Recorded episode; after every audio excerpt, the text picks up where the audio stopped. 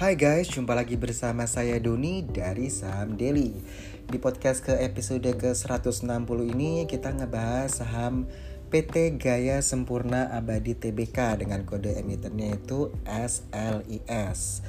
Selis gitu ya. Nah, emiten produsen sepeda listrik Selis ini hingga Agustus 2021 itu meraih volume penjualan sepeda listrik sebanyak 14.450 unit dan motor listriknya sebanyak 1.993 unit. Diprediksi hingga akhir tahun 2021 yang lalu itu Selis mampu meraih penjualan 27.000 unit sepeda listrik dan 3.000 unit motor listrik. Selis ini memiliki beberapa tipe kendaraan listrik yaitu e-moped, e-bike, e-motor, PMD, dan SPV. Tipe e-moped ini yang digunakan oleh Grab untuk melakukan pengiriman makanan dan paket melalui aplikasi Grab Wheels dan Grab Express. Hingga saat ini, Selis ini telah membuka 50 point of sales di seluruh Indonesia dan menargetkan membuka 150 point of sales lagi.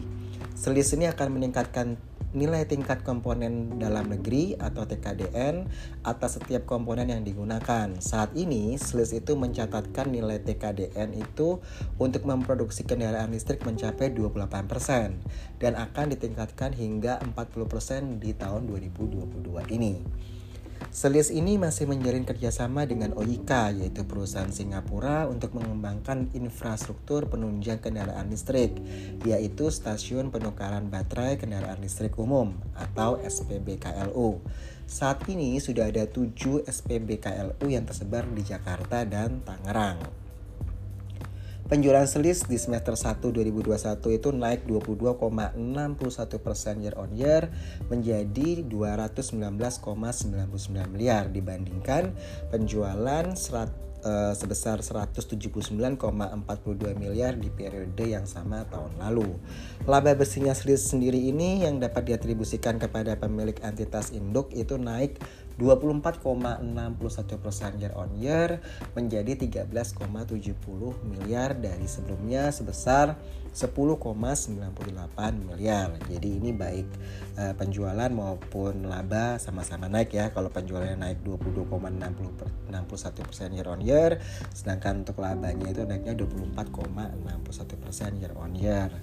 Selis ini menargetkan total penjualan sebesar 460 miliar dan laba bersihnya di 30 miliar di tahun 2021. Nah, untuk itulah untuk mencapai target-target yang tadi, Selis ini melakukan strategi bisnis B2B maupun yang B2G.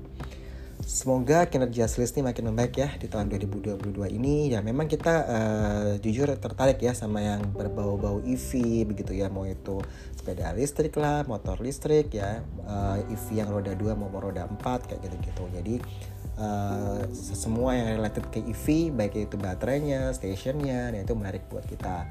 Uh, makanya kita 2022 ini mungkin lebih cenderung ke energi yang terbarukan ya ESG seperti itu. Oke, okay? oke. Okay, kita ingetin juga bahwa podcast ini uh, tidak bertujuan mengajak membeli atau menjual saham tertentu. Jadi keputusan investasi mau trading pun itu sepenuhnya ada di tangan teman-teman sendiri. Oke, okay? saya Doni dari Saham out.